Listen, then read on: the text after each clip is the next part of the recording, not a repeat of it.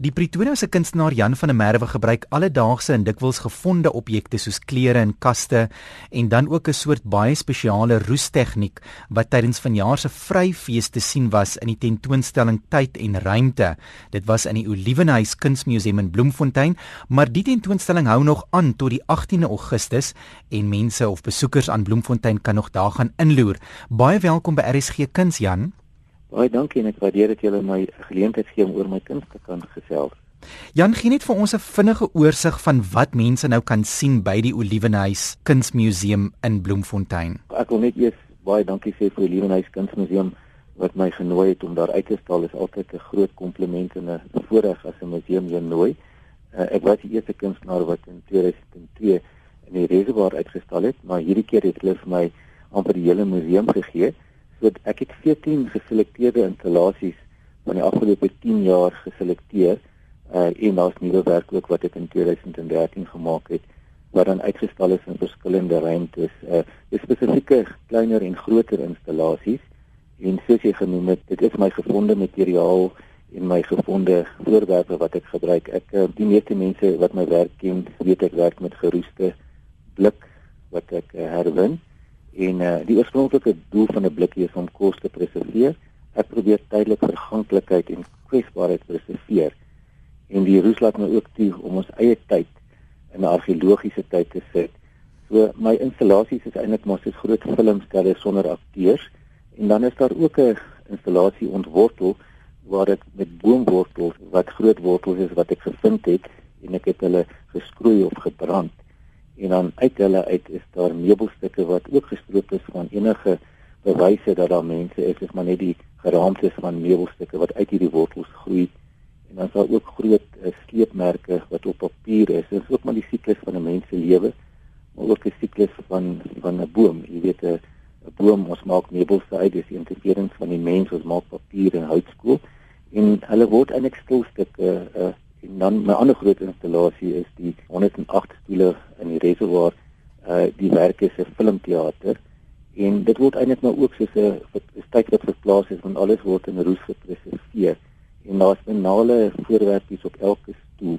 So as jy deur die 108 stoele stap, dan word dit amper soos 'n oomblik van besinning en die hele die hele ervaring hopelik as mense deur die filmteater is, is dat jy 'n oomblik van nederigheid en herbesinning oor die lewe, maar dit is ook 'n manier om te sê alles kom tot 'n einde, maar dit is nie 'n finale einde nie. Daar's verskillende eindes en einde kan ook 'n begin wees. Ja, nou jou werk is altyd in aardse kleure of bruin en swart. Waarom verkies jy hierdie donkerder kleure? Ja, ek ek weet ek dink die aardse kleure is vir my die die roes. Roes is eintlik vir my as persoonlik 'n verskriklike 'n mooi kleur en uh roes is eintlik slaap nooit nie, jy weet. My uitvingsnaam is tyd en ruimte ook, maar die roes is eintlik interessant want dit is heeltyd in 'n proses van verandering as gevolg van uh, jy weet die vochtigheid en die water en ek gebruik ook letterlik uh, sout en water en asyn om die roesproses aan die gang te kry. Maar uh, daar is daar in die roes is vir my uh, is roes beteken ook om terug te keer na die oorspronklike stof of materiaal. So uh, my proses is eintlik maar soos 'n argeoloog wat ons eie tyd in 'n argeologiese tyd probeer sit gebruik tegnologie ook saam met Marus. Uh dis interessant vir myself dat uh, ons met tegnologie ontwikkel om die oeroue uit te vind. Maar daar is maar ietsie spesiaal om deur tegnologie of deur 'n rekenaar of televisieskerm te kyk. So ek speel af uh, tegnologie teenoor die werklikheid of die roes.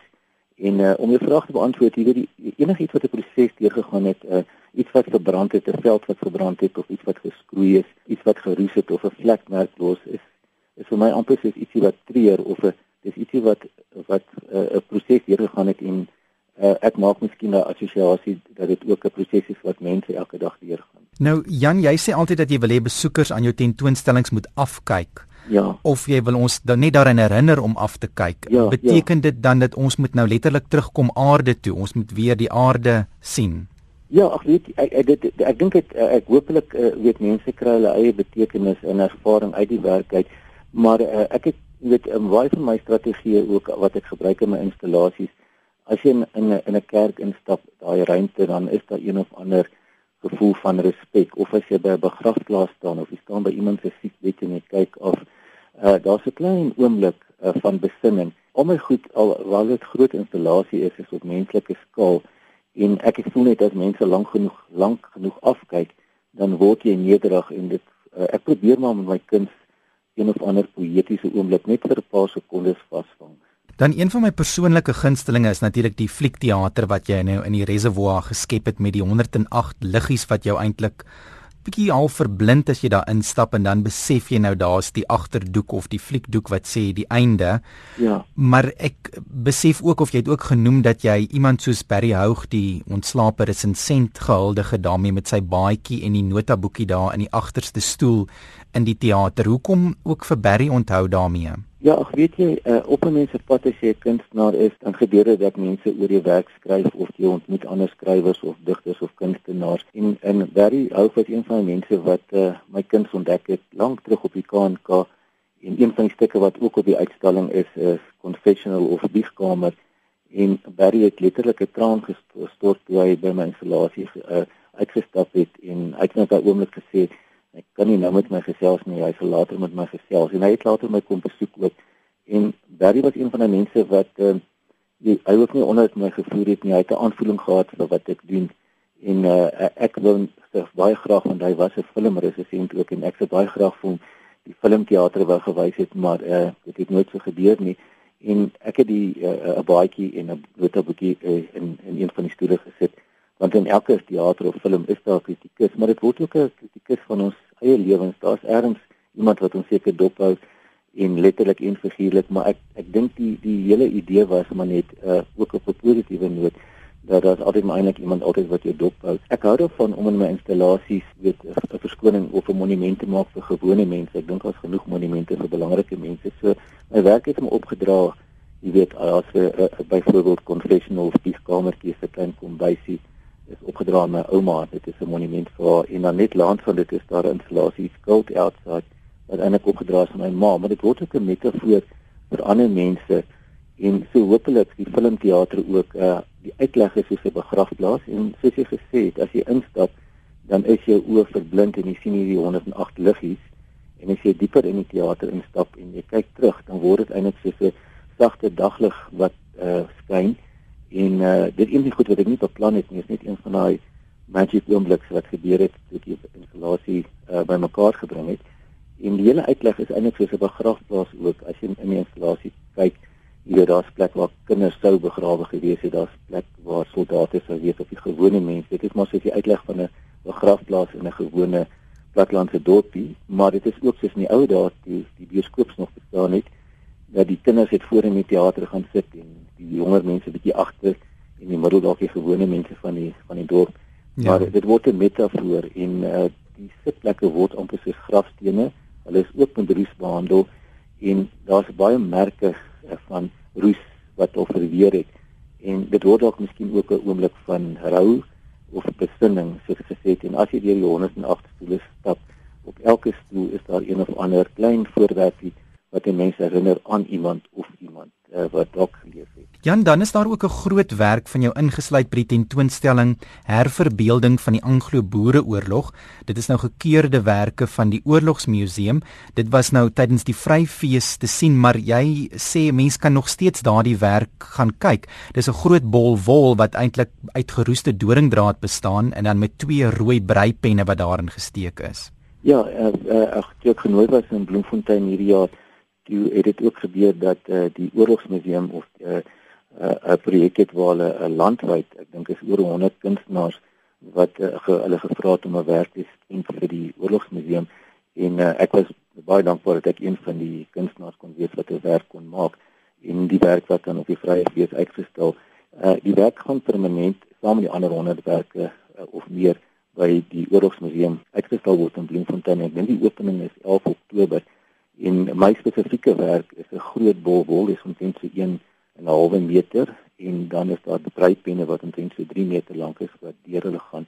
Ja, die doringdraad is uh, opgedra aan die vrouens in die konsentrasiekampe en dat vrouens altyd onder moeilike omstandighede nog steeds die beste vir hulle kinders of familie probeer maak. En die rooi penne is ook 'n simbolisering dat jy weet uh, uh hoe vrouens wel in oorlogtye en in alle tye dalk selfs bekrag word en uh die werk word ook 'n metafoor vir vandag want ek dink daar's nog steeds vrouens en kinders wat in konsentrasiekampe is. Hulle kan dalk in hulle BMW rondry maar dit dalk in 'n konsentrasiekamp. Maar dit word ook opgedra aan Emily Hopkins want sy was 'n wonderlike vrou en sy was simpatiek met die uh, vrouens in die in die ongeluk wel in die konsentrasiekampe en sy het ook later na lewe 'n klomp weefskole uh, op die been gebring as een van haar projekte om wel mense weer op hulle voete te kry al vrouens weer te help. Ja nou die ding wat 'n mens dikwels by mense hoor is dat hulle graag van jou werke wil koop. Hulle hou so baie daarvan, maar jou werke is nie tradisionele werke wat bokant 'n bank in jou sitkamer kan gaan hang nie. So ek vermoed jy hoor dit gereeld. Ja, ek ek probeer maar waar kan want want ek maak my kind uh, om ek is 'n gewone mens en ek maak my ek ek ek ek argiveer maar my eie lewe en dinge wat om my gebeur en daar is wel 'n paar versamelaars wat soms uh, 'n werkie van my aankoop wat ek baie voor dankbaar is en dan is daar van my werk in, in groter versamelings. Maar dit is baie moeilik want die installasiekunstenaar en die materiaal wat ek gebruik dit is meer vir die bedoeling vir die betekenis daarvan. En ek hoopelik as ek dit uh, in 'n museum uitstal dan kan ek dit met baie mense deel en ek laat ook toe dat mense foto's van my werk neem want uh, dit is miskien 'n manier wat hulle wel 'n stukkie van die van die ervaring saam met hulle kan neem en uh, die, ja dit is 'n baie moeilike pad as 'n installasiekunstenaar en dit, dit maar dit is wat ek doen en graag wil doen. So uh, dit is 'n opoffering. Dit is 'n baie moeilike situasie om vir mense kan te sê ek probeer altyd maar klein koevertjies en vliegtuigies en goed uit roes uit maak en en as as mense van my werk hou en ek sien hulle stel belang dan skenk ek sommer vir hulle 'n klein werkie.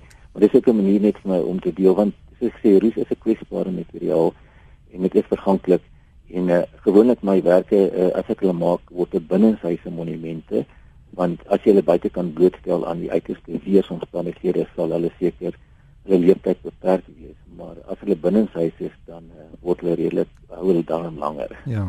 Ja nou tyd en ruimte is nou nog tot 18 Augustus in die Olivenhuis Kunsmuseum in Bloemfontein. Is daar 'n kans dat mense nog vir oula saam met jou deur hierdie werke kan stap want dit is nogal spesiaal om dit saam met jou te ervaar? Ja, dit is my lekker om met om my metafore en materiale vir die mense toeganklik te maak en ek gaan op 3 Augustus, dis 'n Saterdag, gaan ek in Bloemfontein wees in die middag 2 uur. Ek dink hulle sal dit ook as die mense gaan op Olivenhuis se Facebook bladsy uh, Olivenhuis Kunsmuseum sal hulle ook daar inligting kry, maar ek gaan die 3de die middag 2 uur gaan ek 'n begeleide toer uh, deur uh, die 14 werke vat en uh, dit kyk of ek dit nog meer toeganklik vir almal kan maak. Dis dan die Olivenhuis Kunsmuseum in Bloemfontein. Ek dink die adres is Harry Smit Straat 16 of mense kan dan ook hulle webblad besoek. Ek dink dit is www.nasmis.co.za. Baie dankie Jan, dit was heerlik om met jou te gesels en sterkte met die res van die tentoonstelling. Ek sê vir jou baie dankie en dankie vir die belangstelling. Ek waardeer dit en baie dankie wat RSG vir kuns doen. Dis wonderlik.